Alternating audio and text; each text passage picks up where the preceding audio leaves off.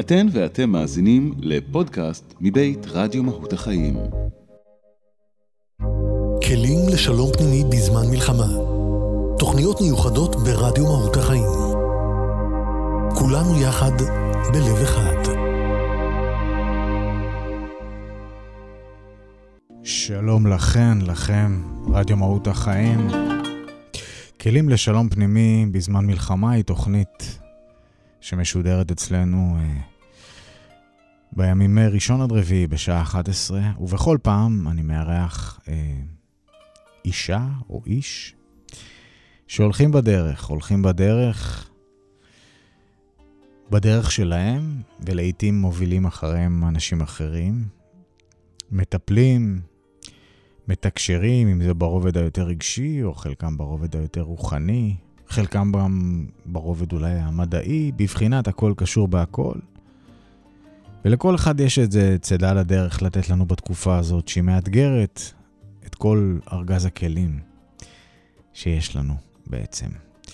ואנחנו משתדלים לחזק מבפנים, לתת ידע, לתת פרספקטיבה, לעזור לנשום. כי אף אחד לא יודע מה יהיה. ובמצב של חוסר ודאות, החבר הכי טוב שיש לנו הוא כנראה עצמנו, והאמונה, האמונה במשהו, יש כאלה שמאמינים ב... באל, ויש כאלה שנותנים לו שמות אחרים. אנחנו מאמינים שיש משמעות למסע שלנו על פני האדמה, יש סיבה ומסובב, יש משמעות לדברים, ולכן, מטבע הדברים, אנחנו מאמינים, ואנחנו מאמינים שאנחנו חלק מהדבר הזה, ולכן זה גם בפנים וזה גם בחוץ, אבל זה מתחיל בתוכנו. ואיתי הפעם איילת היידלברג, שלום איילת. את לא חייבת אוזניות, זה בעיקר בשבילי לבקרת סאונד. מה נשמע? רגע, עכשיו אני שומע אותך. כן. שלום אסי, שלום לכולם. שלום. שמחה להיות כאן איתכם, איתך, איתכם. תודה איתכם. רבה שבאת, ובעבר עשינו סדרות כאן אה, גם רוחניות יותר, גם אנתרופולוגיות יותר, וגם על הציר שנע בין לבין. אולי תספרי, תמיד אני אוהב שאת מספרת בהתחלה, כי את בן אדם שעשה ועושה הרבה דברים. תיישרי קצת המיקרופון רק שיהיה לך כזה דיירקט, כן, ואז נשמע אותך הכי צלול ובהיר. אז איילת, בכמה מילים אה, עלייך, גם על התקופה הזאת וגם אה, מה שאת עשית בדרך. את נדמה לי גם בן אדם באמת שמחבר את כל החוטים של הדברים שהוא עשה במהלך הדרך. אוקיי, אז כן, חיבור זה הגדרה טובה. אני, אה, אם אני אדמה את עצמי לעץ, אז מצד אחד יש לי שורשים אה, עוצמתיים וחזקים בתוך האדמה. אני בן אדם מאוד מעשי, מאוד פרקטי, מאוד חי בעולם הזה. ומצד שני, יש לי ענפים אה, שעולים אל על, אה, עם ההבנה העמוקה שאנחנו באנו מאיזשהו מקום, ושמה שקורה לנו לא קורה במקרה. אה, אבל אני מחברת בין אה, שמיים וארץ. אני חושבת שלחיות במציאות הזאת רק מתוך אה, ההבנות החומריות, יש פה פספוס גדול, והרבה סימני שאלה שלא ייפתרו, ומצד שני, לחיות כאן אה, רק עם אה, התחברות לעולם הרוח, בלי הבנה שבאנו לתפקד כאן בעולם החומר, זה פספוס מסוג שני. אז כן, לחבר בין שמיים וארץ, וגם אני תמיד אומרת, עמוד השדרה שלי זה עמוד שדרה בודהיסטי, והעדשות שדרכם אני מסתכלת על העולם הם עדשות עולם הרוח. הבודהיזם, אני מכירה אותו לא מהחיים האלה. אני כבר נולדתי יודעת בודהיזם, ושם נמצאים, בתוך הבודהיזם הפילוסופי, נמצאים כל העקרונות שיכולים לכוון אותנו לחיים בדרך הנכונה, והעדשות של רואות את עולם הרוח הן עדשות שמסבירות לנו מי אנחנו ומה באנו לעשות כאן. אוקיי, ובפרקטיקה קצת אה, לספר מה את עושה. מה אני עושה? אז קודם כל, אני, אני אנתרופולוגית, אני חוקרת תרבויות ודתות של מזרח אסיה. אני חייתי שנים במזרח אסיה, עבדתי שם, גרתי, למדתי, אני מדריכה שם טיולים. אני מרצה על מזרח אסיה, מדריכת טיולים במזרח אסיה, בעיקר בהודו וביפן, אבל בעיקרון בכל מזרח אסיה, ואני מתקשרת ומנחה קבוצות של מדיטציה ומודעות רוחנית. זאת אומרת, יש לי שני כובעים שמבחינתי הם אה, משתלבים מצוין. לפעמים אנשים קצת מופתעים מזה שאני מתפקדת בשני מישורים שונים, אבל כמו שאמרתי, אני תמיד חיברתי את עולם החומר והרוח, אז בשבילי זה הכי הגיוני שיש. תגידי, ואפרופו זה בתור התחלה לשיחה שלנו, שבאמת אה, מסתכלת על מה שקורה לנו כאן ועכשיו, אה, ואנחנו מדברים על תוכנית שמוקלטת ב-30 לינואר, 2024 במסגרת uh, כלים לשלום פנימי בזמן מלחמה, עם מציאות מאוד כאוטית שנחתה עלינו כרעם ביום בהיר, ממש ממש, והפכה פה את כל הסיפור. Mm-hmm. אני רגע רוצה לשאול, לפני שאנחנו מתבוננים על כאן, אם יש משהו משם. זאת אומרת, גם במזרח, אף פעם לא שאלתי אותך נגיד על וייטנאם. אני לא יודע כמה את mm. יודעת על וייטנאם. אבל בכלל, גם יפן, שאת אלופה ביפן, עשינו סדרה כאן על יפן במסגרת ארץ תרבות ורוח, אגב, שאני מקבל עליה פידבקים כל הזמן, מכל מיני אנשים. ויפן זה מדינה שמלחמת העולם השנייה היא צלקת שספק אם אי פעם, אה, זאת אומרת... של... שלוש מלחמות, יותר, חמש מלחמות, יש שם הרבה מלחמות. לא, אבל אני מדבר גם על הירושימה, נגסקי. זה יפן, כן. אה, לא, אה, אוקיי, וייטנאם היו כמה מלחמות, יפן, נכון, כן, מלחמת העולם השנייה, כן, נכון, כן, נכון. כן, כן. המזרח מצולק. אה, מאוד. ורציתי לשאול, במסגרת גם ההתבוננות שלך שם על התרבות והכל, יש, אם יש קווים מקבילים, עם, עם מה, איך, אולי גם לת, בתור התחלה, איך התרבות הזאת שם התמודדה עם מציאות אה, קשה מאוד. אז תראה, צריך... אה, יש לנו מה ללמוד, בקיצור, אני יודע. אה, אז זהו, כי אני מנסה לחשוב איפה אפשר להקביל. אה, היו מלחמות, נגיד הכיבוש היפני, שגרם לצילוק עמוק מאוד של ארצות מזרח אסיה שתחת כיבוש יפני, ויום אחד היפנים נסוגו חזרה הביתה, או מלחמת העולם השנייה הסתיימה עם שתי פצצות אטום. היה המון כאב, המון סבל, אבל כל אחד חזר לאדמה שלו, ו- ו- וזה נשאר מאחור, והתגברו והמשיכו הלאה. אז זה לא כל כך, מצד אחד אני מנסה לשאוף תקווה, אני אומרת לאנשים, תראו מה היה שם אחרי מלחמת העולם השנייה ביפן, ארץ שכולה הייתה אפר ואבק, ואיך הם השתקמו והמשיכו הלאה. מצד שני, הם לא התמודדו עם המורכבות שאנחנו מתמודדים איתם פה, שזה לא כל אחד הולך הביתה, אלא כל אחד רוצה לשבת על אותה אדמה, ואז הפתרון הוא קצת יותר מורכב. איפה ש... היה משהו שאולי יותר דומה, זה בהודו, ששם אה, ב-1947, כשהבריטים נותנים עצמאות להודו, הם מחלקים אותה לישויות מוסלמיות, פקיסטן ובנגלדש, ואז זה קראו לבנגלדש פקיסטן המזרחית, אבל שתי ישויות מוסלמיות וישות הינדית באמצע. ושם היו חילופי אוכלוסין אה, מאוד כואבים עם, עם אנשים רבים שמתו במסעי טבח, ו-15 מיליון אנשים שהחליפו, עברו מצד לצד בטרנספר מרצון ושלא מרצון. ומצד אחד עם בנגלדש הגבול הוא שקט, יחסים טובים, עם פקיסטן, המלחמות בין הודו ופקיסטן לא נגמרו עד היום. אז... אמ, אז זה דומה, אז קצת. משם אפשר לראות יותר דמיון. כי ביפן, כן, יפן היו צריכים ללקק את הפצעים הרבה מאוד שנים, אבל הם יכלו להמשיך הלאה, כי הבעיות, הם נשארו מאחורה. לא צריכים להמשיך להתמודד איתם, עם אותן בעיות. יפן, אבל מאז היא מדינה, מבחינת, נקרא לזה, התודעה הקולקטיבית שלה, היא מדינה ש... הסתכלה אחרת על מלחמה ועל שלום, את חושבת? זאת אומרת, כי הם, הם קיבלו את אחת הכאפות הגדולות בהיסטוריה, לקבל שתי פצצות אטום, זה... כן. אחרי כל הסיפור של פרל ארבור וזה, זה כאילו... תראה, יפן... הקמיקה הזאת וכל הבלגן הזה. זה, זה, מאוד, זה, זה מאוד מעניין. אני, אני מאוד... אגיד לך גם למה איפשהו כן יש הקבלה, סליחה שאני כן. קוטע. הייתה להם את התרבות הזאת של המתאבדים. שזה קצת דומה כן.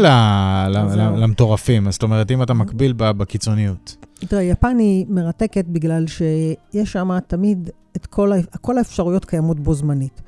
אה, כשאני מדריכת טיולים ביפן, אני תמיד אומרת למטיילים שלי, כל מה שאני אגיד לכם על יפן, אני אגיד גם את ההפך הגמור. תדעו מראש, זה, זה מקום שיש בו מכל וכל וכל. מצד אחד, הצבא היפני לא יצא מגבולות יפן עד 1895.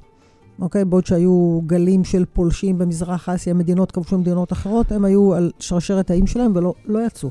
אבל כשהם יצאו ב-1895, הם נכנסו ל-50 שנה של קולוניאליזם, שהקולוניאליזם האירופאי, שהיה אכזר ומנצל, החביר לעומת הקולוניאליזם היפני, וכשהם חזרו הביתה אחרי שתי פצצות אטום, הם הפכו להיות מדינה פציפיסטית ש, שמותר לה להקים צבא רק למטרות הגנה, ושהצבא שלה לא יצא לעולם שוב מגבולות יפן. ויפן לא תפתור את הבעיות שלה יותר בדרך צבאית. זאת אומרת, הם עברו מכאן לכאן לכאן. עכשיו, mm. הסמוראים, המקום של ה... אמ, אם אתה מדבר על הקמיקזה, נגיד. שזה, בוא נגיד, טרום שהידים, כן, בדיוק. אז אה, מאיפה זה, זה, זה צריך אה, להבין אותם את המהות היפנית, כי ה, בעולם היפני, הדבר, אם אצלנו הערך המקודש ביותר זה החיים, נכון? קדושת החיים, אצל היפנים הערך המקודש ביותר זה הכבוד. הכבוד והנאמנות יותר חשובים מהחיים. וזה מתחיל בחברת הסמוראים, בבושידו קוד הסמוראים. החברה הסמוראית קמה מהמאה ה-12, ומסגלת עולם ערכים שבו הכבוד חשוב יותר מהחיים. אז אם הסמוראי אה, הולך להפסיד בשדה הקרב, ליפול בשבי, זאת פחיתות כבוד נוראית, הוא יעדיף להתאבד, או לא למות מידי היריב, או אם הוא עשה איזשהו מעשה שיש בו קלון, אז הוא אה, יבחר לקחת את, לסיים את חייו במו ידיו ולא להתמודד עם העובדה שהוא עשה מעשה שיש בו קלון, והמקום הזה שבו הכבוד יותר חשוב מהחיים, מחלחל לתוך החברה היפנית המודרנית, ואז במלחמת העולם השנייה, כשהם במצוקה גדולה, כי הם מבינים שהמצב אבוד, אז ה...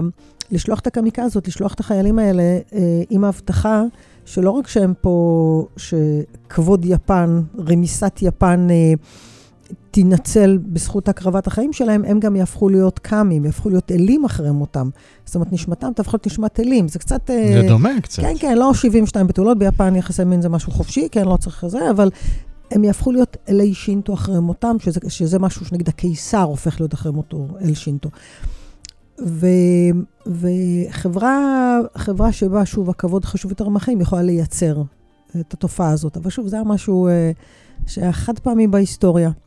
מלחמת העולם השנייה הייתה צלקת נוראית. אה, הבעיה, הבעיה הגדולה עם היפנים שהם קצת מסרבים לקחת אחריות על מה שהם עשו שם, די התנערו מהאחריות, על הנזקים העצומים שגרמו למזרח אסיה. טוב, ומשם לכאן. ומשם לכאן. אה, איפה המלחמה הזאת תופסת אותך ברמה האישית? אה, אני אתחיל ב-7 לאוקטובר. כן. אני מתעוררת, שוכבת במיטתי בביתי בתל אביב, מתעוררת באזעקה, באזעקה, ואומרת לעצמי, מה זה השטויות האלה? לא אמרו שיש התראות, הרי בדרך כלל כשיש, זה, מתחמם, תמיד, כן. המצב מתחמם, לא מתחמם התראות, לא כלום, ואני אומרת, זה בטוח, אני אומרת לעצמי, זה בטוח תקלה בצופרים, ואני חוזרת לישון, ממשיכה לישון, ואז אני מתעוררת בתשע, וזהו. ומשם העולם קרס. אני, אה, אני אגיד לך, המקום שממנו אני באה, המקום שממנו אני מדברת, זה המקום שאומר, דברים לא קורים במקרה.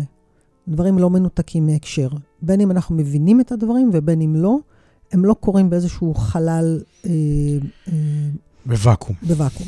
עכשיו, אה, עולם הרוח שאני מייצגת זה עולם שהחוקים שלו חייבים להיות נכונים בכל רמה, בכל דרגה ודרגה. זאת אומרת, אם יש חוק שהוא נכון, הוא צריך להיות נכון בגוף הפיזי שלי, בנפש שלי, ברוח שלי, במדינה שלי, בקוסמוס כולו. ודברים הם תמיד תוצר של תהליכים. שום דבר לא קורה במקרה ויש מאין. אוקיי? אז אפשר לראות את זה בגוף הפיזי, שיש לנו מחלה, אז אם אנחנו מספיק רגישים ואנחנו יכולים לראות את ה... או להסתכל אחורה, אפשר לראות בדרך כלל את ההתפתחות של דברים, מאיפה הם באו. אה, ואם אנחנו כמדינה קרסנו שם, אז אה, אפשר להסתכל אחורה ולראות את התהליך, זה לא קרה יש מאין, כי באותו בוקר ההלם היה כל כך גדול, שאיך זה קרה, אבל לאט לאט מתברר שזה לא קרה יש מאין, והיו תהליכים במשך שנים שאנחנו סירבנו לראות אותם. אז זה שאנחנו מסרבים לראות תהליך, זה לא אומר שהוא לא קורה. עכשיו, העניין הוא שכשאנחנו מדברים על תהליכים, אם אנחנו מסתכלים רק על מה שקורה בעולם הזה, וכאן ועכשיו, יהיה לנו הרבה דברים שיהיה בלתי אפשרי להסביר אותם, או קשה מאוד להסביר אותם. מה עשו רע אותם ילדים שנלקחו בשבי? כאילו, אה, כאילו, איזה רע הם יכלו להספיק לעשות בחיים שבגיע להם? אז מי שמחפש אה, סיבה ותוצאה ברמה של הכאן ועכשיו, אה, חלק מהותי מהזמן הוא לא ימצא תשובות. אבל כשאני מדברת על תהליכים, אני מדברת על תהליכים שמתפרסים על, על מחזורי חיים רבים. התפיסה שאני מייצגת היא תפיסה שאומרת שהגוף שלנו, שעשוי מחומר, הוא זמני. כמו כל דבר שעשוי מחומר, הזמניות נמצאת במהות של החומר. לא נשרוד פה עד היום, לא מצאנו מישהו שחי יותר מ-20 שנה, זהו, אבל בתוכנו יש אה, מהות אחרת ששוכנת בגוף הזה והיא באה ממקום אחר. גם התודעה האנושית שלנו היא זמנית, היא כמו הגוף. תודעה אנושית נוצרת לגוף הפיזי הזה, והיא תתפוגג כשהגוף... אני, הילד, אתפוגג כשהגוף הזה יפסיק לפעול, אבל המהות הגבוהה שלי, אותה אותה, אנחנו קוראים לזה נשמה, בהודו קוראים לזה אטמן, אני קוראת לזה רסיס של אור, רסיס של אור מהות אה, ממקום גבוה ו, ו, וגבוה אנרגטית. זה לא מקום פיזי אחר, זה, זה תדר אנרגטי אחר שחוברת לגוף הפיזי הזה, והיא נצחית, והיא באה לעשות כאן לימוד והתפתחות. ואם אנחנו מבינים את התהליך, אם אנחנו מבינים שאני לא חיה רק עכשיו על המשבצת הזאת, שאני באתי מאיזשהו מקום ואני אמשיך לאיזשהו מקום, ובהתייחסות שלי, המשבצת הזאת היא תוצאה של המשבצות שאני הייתי בה, לא הילד, שהנשמה שלי הייתה שם, שם ושם, אני לא יודעת איפה היא הייתה, אני לא חוקרת את הגלגולים הקודמים, אבל אני יודעת שבאתי ממקום וצברתי קרמה מסוימת, והיום אני, אה, את השיעורים שלי ואת ההתלמדויות שלי ואת המחירים שאני משלמת, זה בהמשך לתהליכים שנעשו גם בחיים האלה וגם בחיים קודמים. ואז אם אנחנו מסתכלים במבט רחב, אז זה נותן איזושהי אפשרות להבין, להבין, לפרש את מה שקורה כאן מעוד מקום. אה, אני אה, אה, לא אתן תשובות אה, אה, למה זה קרה בתשובות אה, מוחלטות. אני שומעת מורים שכן עושים את זה. אני מאוד נזהרת, אני חושבת שהמצב הזה כל כך מורכב, שעוד ייקח לנו זמן להבין פה מה זה קרה. אז אני אומרת, זה לא קרה יש מאין. יש סיבות, שאת חלקן אפשר להבין וחלקן הן מורכבות מדי, אני חושבת כרגע, לדבר עליהן או להבין אותן, אז אני מעדיפה להתרכז במה אנחנו יכולים לעשות כרגע, אה, ולאור מה שאנחנו יודעים. אה, ולא אה, לתת איזה שהן תשובות, אה, לא יודעת, אה, לא מספיק מבוססות על אה, מאיפה זה הגיע מבחינה רוחנית. אבל ההבנה היא שזה לא, לא הגיע סתם. אוקיי. אז, אז איזה, איזה, איזה ארגז כלים התקופה הזאת בחוויה שלך מאתגרת? זאת אומרת, את בתור אוקיי. אדם ש... שהולך בדרך הרוחנית, ואת עובדת עם אנשים, ואת מנחה, ואת uh, מתקשרת, יש לומר, ואת uh, אה, עושה, אה, את יכולה גם להסביר בשתי מילים על, ה, על התקשורים שלך, זאת אומרת, על המידעים האלה. אה, את עושה מדיטציות עם החבר'ה, זאת אומרת, לאן התקופה הזאת לוקחת אותנו ברמה הפנימית, ו, ו, וגם באמת ברמה הזו של ההסתכלות הרחבה, מה... אוקיי. Okay. לא, דיברנו קצת לפני התוכנית על כל מיני נתיבים שאפשר כן. ללכת כן. בהם. טוב, אני אגיד מילה לגבי, סליחה, לגבי תקשורים. אמ, נקודת הפתיחה, סליחה. אולי תשתי קצת, יש לך תה. קחקוח. סליחה שנשארה לי מהקורונה. אמ, נקודת הפתיחה חייבת להיות המקום הזה שבו שאנחנו מבינים שהמציאות, מה שאנחנו רואים בעיני החומר זה רק חלק קטן של הסיפור. ש, שאנחנו רואים, עיני החומר רואות את מה שעיני החומר מסוגלות לראות, ואם אנחנו לומדים להשתמש בעיני הרוח שלנו, אנחנו נוכל לראות מציאות הרבה יותר רחבה. ובמציאות הזאת, אנחנו לא פה איזה כוכב בודד בקוסמוס שקורה בו איזה, קורים בו דברים, כאילו, תחשוב לך רגע, מה אנחנו עושים פה? מה זה הדבר הזה? איך נולדנו לפה? איך נוצר כל העולם? איך נוצר בן אדם? נוצרנו מקופים? לא נוצרנו מקופים? כאילו, אנחנו לבד ביקום? זו שאלות שאני זוכרת בתור ילדה, השאלות האלה הטריפו אותי. הטריפו אותי, הייתי חייבת לחפש תשובות. וחיפשתי הרבה מאוד שנים, והייתי ולמדתי והסתובבתי וזה, עד שהדברים התחילו להיפתח בפניי. וכשהתחלתי לחוות את נשמתי ואת המסעות שלה, ואת מי שמלווה אותי, אז התחלתי גם להבין ולקבל תשובות. אז אם נקודת הפתיחה שלי היא שאנחנו מגיעים, אנחנו חלק ממשהו הרבה יותר רחב מאיתנו, וכשאנחנו מגיעים לכאן, אנחנו לא מגיעים טבולה ראסה. קודם כל, אנחנו מגיעים עם, מראש עם תוכנית עבודה. מה באנו לעשות בתקופת החיים הזאת? מה באנו ללמוד? איזה אירועים אנחנו עומדים להתנסות בהם, ותכף אני ארחיב לגבי זה. וגם יש לנו ליווי, יש uh, הדרכה של ישויות רוחניות שמלוות אותנו במסע שלנו. כל אחד מאיתנו מלווה בהדרכה שבאה לעזור לו לעשות את הדרך, ללמוד את השיעורים, להבין מה הוא בא ללמוד. כל אחד מאיתנו מסוגל לייצר קשר עם אותה מהות גבוהה. Uh, זה לא משנה אם אנחנו יודעים או לא יודעים את זה, זה built in בסיסטם. Uh, כולנו יכולים uh, להיות uh, בקשר עם ההוויה הגבוהה שלנו, הנשמה הגבוהה שלנו, עם ההדרכה שמלווה אותנו. כולם יש חיבור לאינטרנט, אוקיי? יש כאלה שיש להם פס צר, חמישה מגה, רק בשביל עצמם, יש כאלה שהם באו כדי להפיץ ידע, אז יש להם 100 מגה או סיבים אופטיים כדי שהם יוכלו לקבל הרבה ידע ולהעביר אותו הלאה, אבל היכולת קיימת אצל כולם. ואחד הדברים שאני מנסה לעשות עם אנשים שלומדים בקבוצות שלי, זה לעזור, לעשות את החיבור הזה ולהתחבר למקום הזה שיכול לתת לי תשובות ויכול לעזור לי לעשות את הבחירות שלי נכון, לחוות כמה שיותר בורות בדרך ולהלך... אה, אה, לעשות את הלמידה שלי בלי צורך שאני אצנח לבור.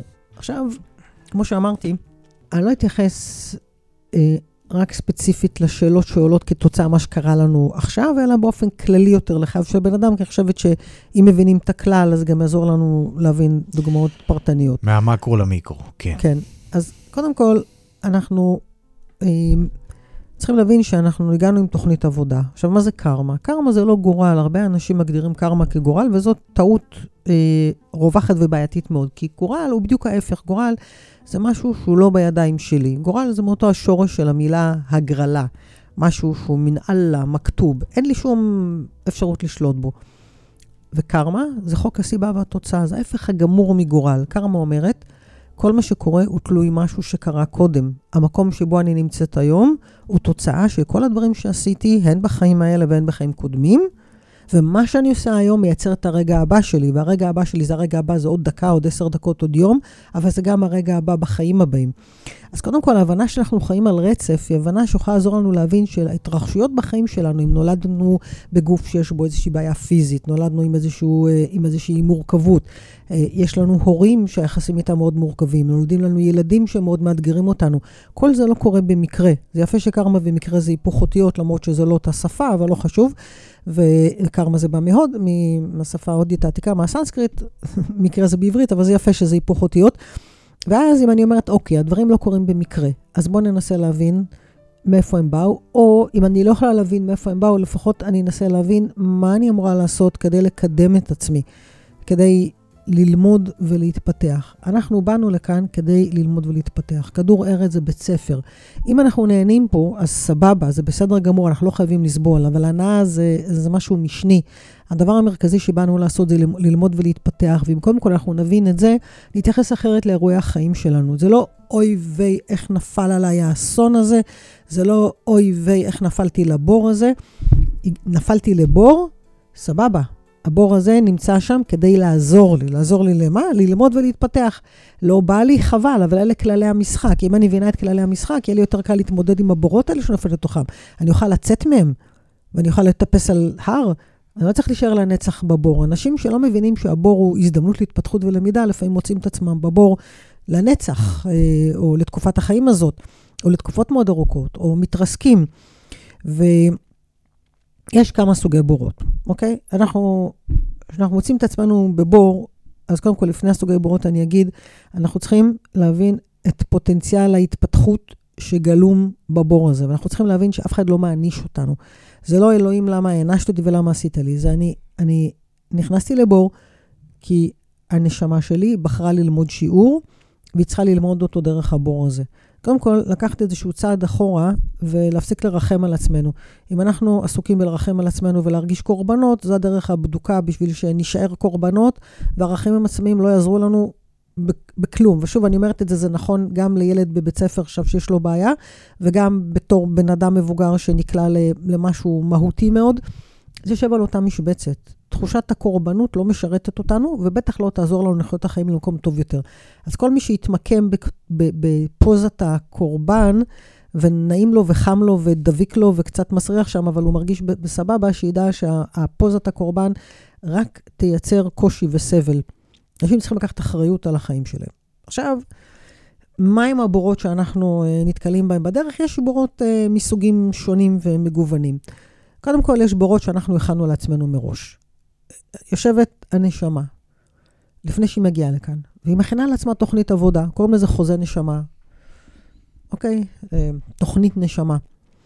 יושבת עם ההדרכה הרוחנית שמלווה אותה, ועושים קונסוליום, עושים ממש התייעצות, ובוחרים, אוקיי, בחיים קודמים אה, היה שיעור אה, אה, בעייתי במה שקשור לגאווה, ליהירות, לאכזריות, ל-whatever, ואנחנו בחיים האלה נזמן לעצמנו שיעור שיאפשר לנו לתקן את אותו דבר, אותו נזק, אותו קלקול, אותו רוע שיצרנו בחיים קודמים, או שיאפשר לנו לקחת את עצמנו קדימה, להתפתח, ללמוד. אז אנחנו בוחרים אירועי חיים שאנחנו, שיגיעו במהלך החיים שלנו. אנחנו בוחרים את ההורים שניוולד אליהם, את האחים שיהיו לנו, את הילדים שלנו, את בני הזוג. כל המערכות יחסים המשמעותיות נבחרות מראש כדי לספק לנו את סביבת הלמידה. או לספק לאחרים, אנחנו גם נותנים סביבת למידה לאחרים, הכל נבנה לראש. זה מערך פוטנציאלי מטורף, שהמוח האנושי מתקשה לתפוס אותו. אנחנו לא יכולים להבין איך מכינים תוכנית שיש בה המוני פוטנציאלים אפשריים. הרי כל פעם שאני מגיעה לכיכר, אני יכולה לקחת את הפנייה הראשונה, השנייה או השלישית. אם אפנה בפנייה השנייה, אני אפגוש אנשים מסוימים ברחוב מסוים. אני אפנה בפנייה השישית, אני אפגוש אנשים אנשים ברחוב אחר. אבל כל הפוטנציאלים מצויים מראש. ועכשיו אנחנו יוצאים לדרך, נולדים לעולם הזה, והפוטנציאלים מתחילים להיקרות אה, בדרכנו. אז סוג אחד של בור עמוק שאנחנו יכולים למצוא את עצמנו בתוכו, אלה דברים שתוכננו מראש, טרם ההגעה שלנו לכאן, על מנת לשמש כאיזושהי מקפצה להתפתחות. ואפשר לראות את זה, אם רגע אנחנו נתרגם את זה ל, ל, למילים פשוטות, אוקיי? להבין את זה. אה, אנחנו, אפשר, אה, אה, אם אנחנו מתבוננים על אנשים, אתה יודע, שומעים הרבה סיפורי העצמה ודוגמאות אישו וזה. רוב האנשים שהגיעו לאיזשהו אקסטרים בחיים שלהם, שעשו דברים מהותיים, ש, ש, שהחיים שלהם היו סופר משמעותיים וכן הלאה, זה אנשים שחוו איזשהו סבל או קושי או אתגור בשלבי החיים הראשונים שלהם. היה, היה שם משהו מאתגר או קשה או כואב, שמה הוא הצריך אותם לעשות? להשתמש בהרבה יותר מהפוטנציאל שלהם. אני, הדוגמה שאני להשתמש, זה, תחשבו שאנחנו נמצאים בתוך איזושהי קופסה, והקופסה הזאת יש בה 100% פוטנציאל שבאנו איתו לעולם הזה, אוקיי? יש שם כישרונות, עוצמות, יכולות.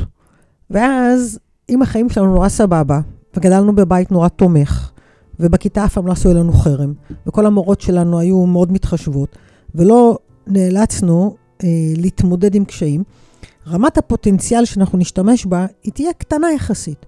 אבל אם החיים יתגרו אותנו, ובלי עין הרע החיים יודעים לאתגר, לא תהיה לנו ברירה אלא לגייס משאבים נוספים, ואז אנחנו ננצל יותר פוטנציאל. זאת אומרת, אנשים שחוו בור, חוו נכות, חוו קושי, חוו חרם, חוו הורים מתעללים, חוו מוות במשפחה, חוו כל מיני דברים, הייתה להם אפשרות לגייס הרבה יותר משאבים מתוך הקופסה הזו שהם באו איתה, ואז הם מפתחים עוצמות שישמשו אותם לאורך כל, אה, כל הדרך. זאת אומרת, ילד שגדל רק בסביבה שמפנקת אותו ו- ושומרת עליו בתוך צמר גפן, זה ילד שהעוצמות שיעמדו לרשותו יהיו אה, פחותות או מעטות. אז קודם כל, אנחנו יכולים לראות איך לפעמים סבל בילדות או בתקופת חיים ראשונה, זה היה בור שהצמיח אותנו ולימד אותנו להשתמש בכל היכולות שלנו.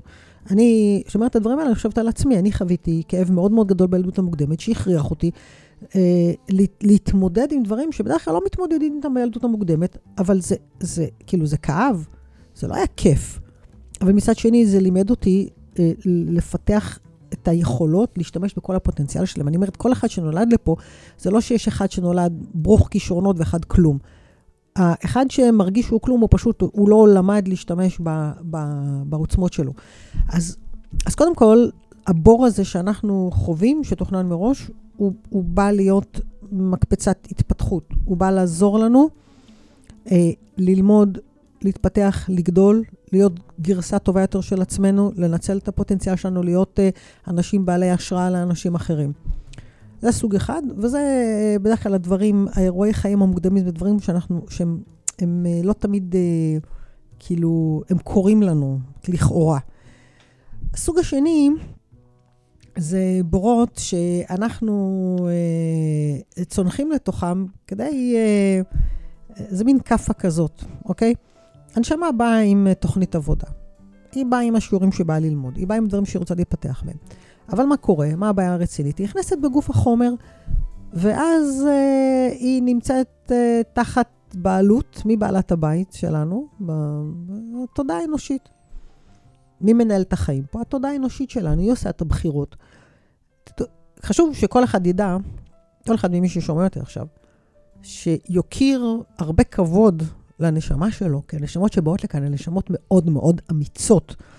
רוב רסיסי האור לא באים להתגלם בעולם החומר. אנחנו פה ניסוי מאוד מיוחד. כדור ארץ זה ניסוי יוצא דופן של רסיסי אור שבאים מעולם אור, אור אינסוף, לגוף חומר.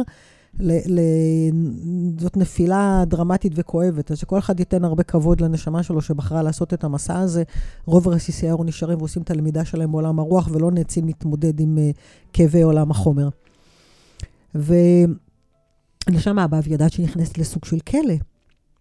היא לא אדון על עצמה, יש פה את תודעה אנושית שמנהלת העניינים, והיא כל הזמן מנסה לדבר. מה זה הקול הפנימי הזה? מה זאת האינטואיציה הזאת? יש אנשים שאומרים, וואלה, שמעתי, ידעתי שלא נכון לי להתחתן עם זו עם זו, ידעתי שלא נכון לי, ידעתי שנכון לי ללכת ימינה ולא שמאלה.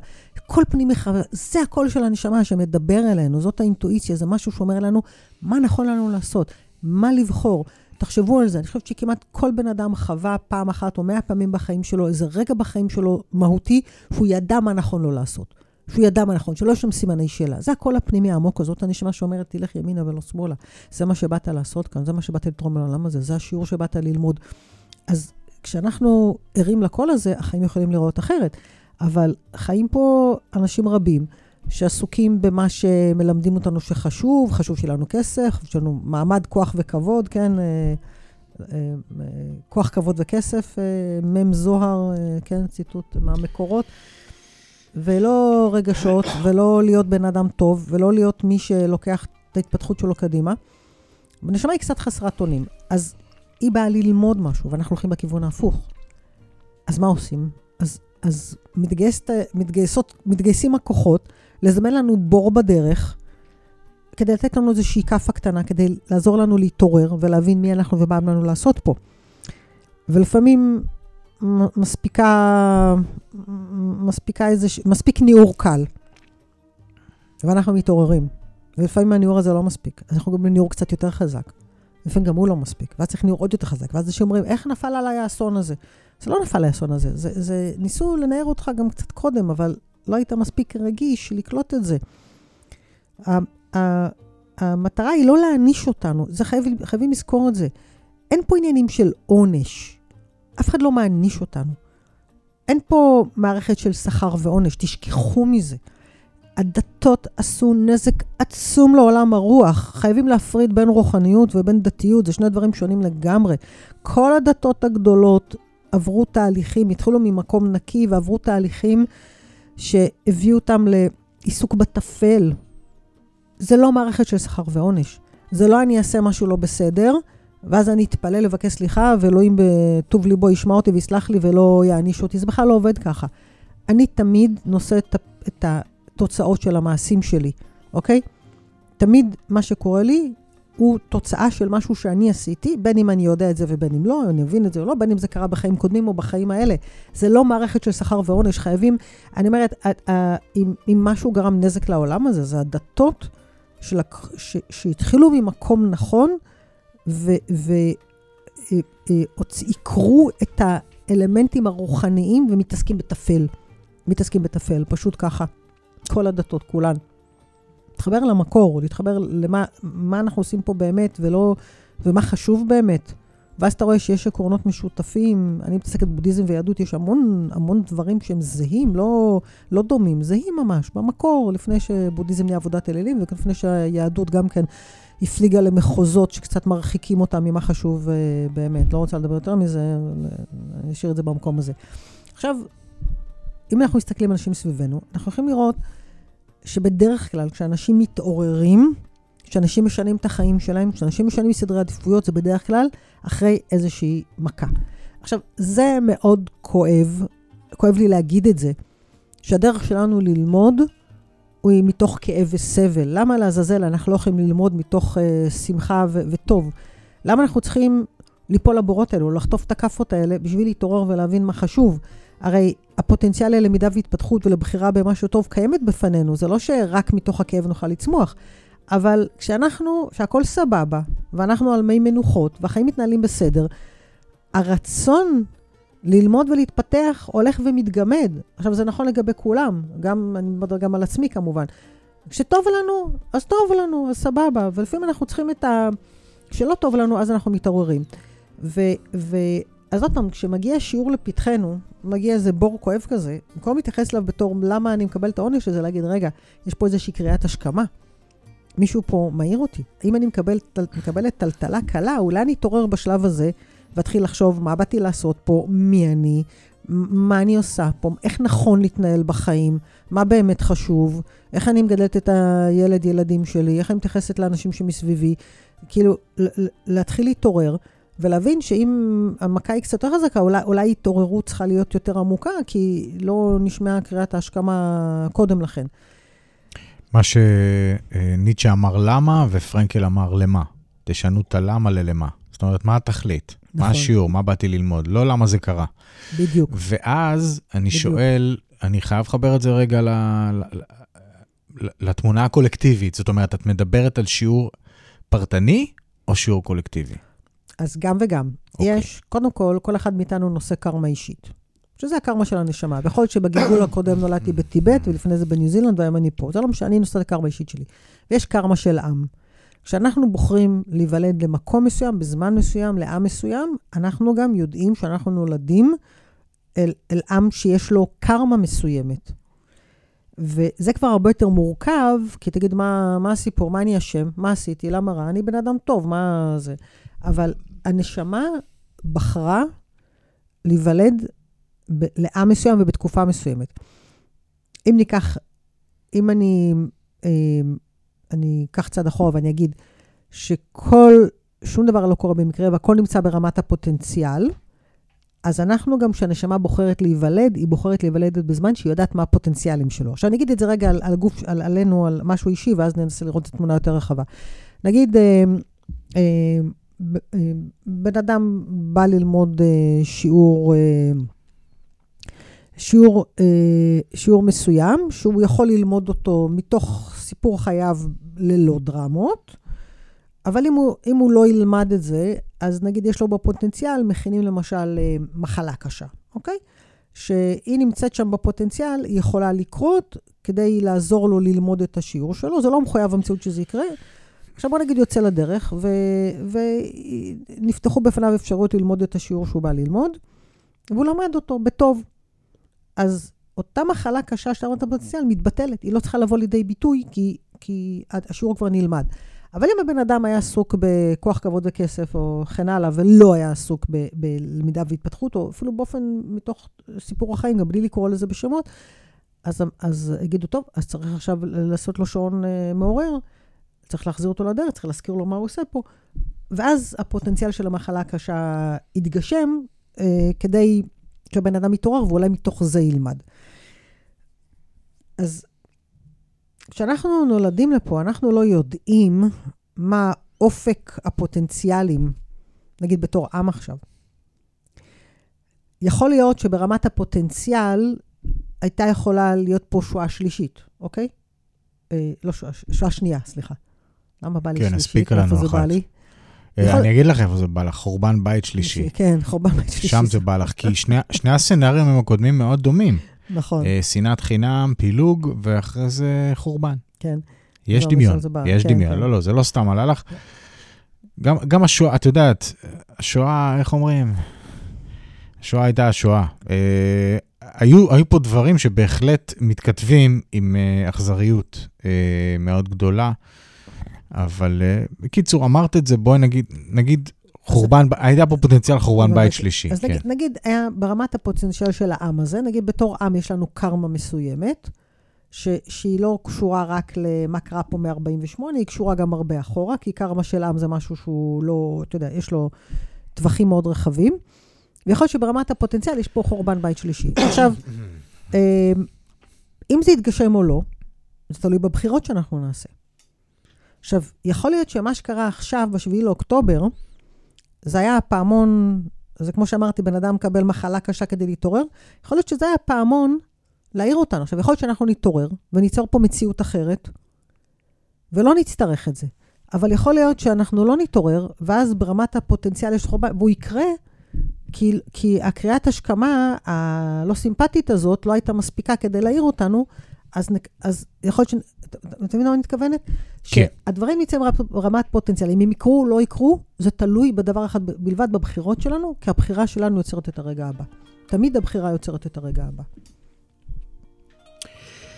אוקיי. אמ,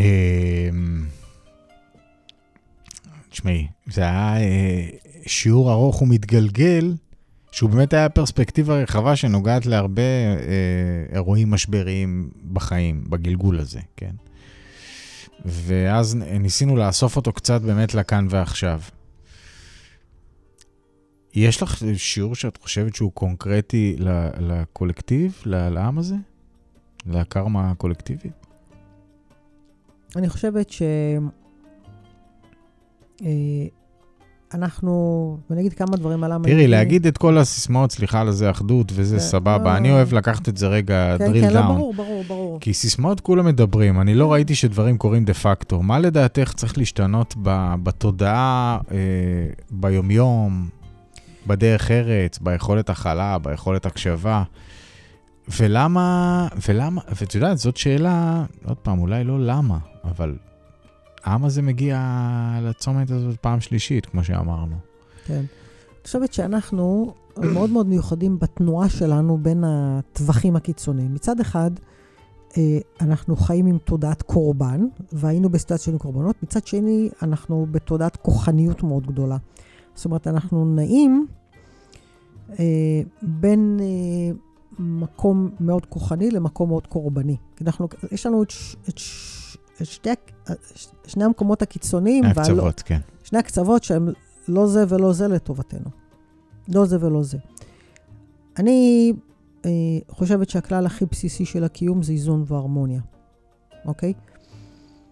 ואני חושבת שבן אדם אה, צריך לעשות קודם כל את העבודה על עצמו, כי בסך הכל הכלל זאת השתקפות של סך כל הפרטים. אין לנו מה לדבר על אחדות ועל התחשבות ועל שלום, אם אנחנו לא עושים את זה קודם כל בינינו ובין עצמנו. זה לא קורה, זה לא תנחת עלינו פה מטריה של שלום, אחדות ו-whatever. קודם כל, כל- בן אדם בפני עצמו צריך לייצר את השיח הפנימי שלו עם עצמו ולראות איפה הוא נמצא ביחס להרמוניה, איזון, אחדות, שלום וכן הלאה. ואם יהיה כאן אוסף גדול מאוד של פרטים שיעשה את זה, זה ישתקף החוצה וזה יבוא לידי ביטוי גם ב... ברמה ה- ה- קולקטיבית. ה- הקולקטיבית שלנו. כי באמת, סיסמאות מהפה והחוצה אין להן שום משמעות. עכשיו, נעשו פה, ה- המלחמה הזאת גרמה ל- להרבה מאוד אנשים לצאת מהקובייה שלהם, לעשות דברים יוצאי דופן, ל- אה, לצאת מאזור הנוחות שלהם, לראות מה חשוב. היו פה, קרו פה הרבה דברים טובים כתוצאה מאותו, מאותה מלחמה. עכשיו, השאלה, אוקיי, לאן זה ממשיך הלאה? שידרה פה פעם אה, חברת כנסת לשעבר, דוקטור רות קלדרון, ואמרה לי, אסי, זאת עבודה קשה ברמות שאנשים לא מבינים. נכון. זו הקרבה. היא אמרה לי, אני הייתי בכנסת ואני יכולה להסכים או לא להסכים, אבל אני חייבת להגיד לך שאני מעריצה כל אחד מה-120, למרות השם הרע שיצא, כי כולם עובדים. עכשיו, אפשר ל- להתווכח, ראויים, לא ראויים, זאת שאלה אחרת, לא מתעסק איתה. אוקיי, שואל בסוף מה זה אני אומר לך. עלינו, על הבחירות שלנו, נכון. וזה אני ו... אומרת, אבל בגלל אני אומרת ש, שבפעם הבאה יש לנו פה בחירות, אף אחד מאיתנו, כל מי שחרד לגורל של המדינה, לא יכול לשבת בבית ולא יכול להגיד אחרים יעשו אחרים זה. אנחנו צריכים להיות, אה, כל האנשים הטובים, ויש פה במדינה הזאת המוני אנשים נפלאים, אבל צריכים... הם לא בחרו ללכת אה, בסדר, אז- להנהגה פוליטית אז- בשנים, כבר הרבה מאוד שנים. נכון, ו- ו- ו- וזה בדיוק העניין ש- שצריכה לקום, לקום פה. אנחנו לא יכולים לשבת בבית יותר. אנחנו צריכים שיבחר כל אחד את מי שמתאים לו, או מה שמתאים לו, אבל אנחנו צריכים אה, אה, לצאת מאזור הנוחות שלנו, ולעסוק בעשייה לטובת הכלל, ולא רק לטובת עצמנו, ואז אפשר לייצר פה מציאות אחרת. איימן. אנחנו צריכים לסיים את השיחה הזאת. תודה על ההזמנה. דברים צריך לעכל אותם, ממליץ על שתי האזנות לפחות. תודה. אה, איילת איידלברג, תודה רבה לך, אה, ואנחנו עוד אה, ניפגש בקרוב ולעשות עוד, אה, עוד תוכנית או יותר. תודה. אז תודה על. הידע, תודה תודה לכל שבאת. המאזינים. ושנדע ימים טובים, שנביא ימים טובים ובשורות טובות. תודה לכן, לכם על ההאזנה. כלים לשלום פנימי בזמן מלחמה. תוכניות מיוחדות ברדיו מהות החיים. כולנו יחד בלב אחד.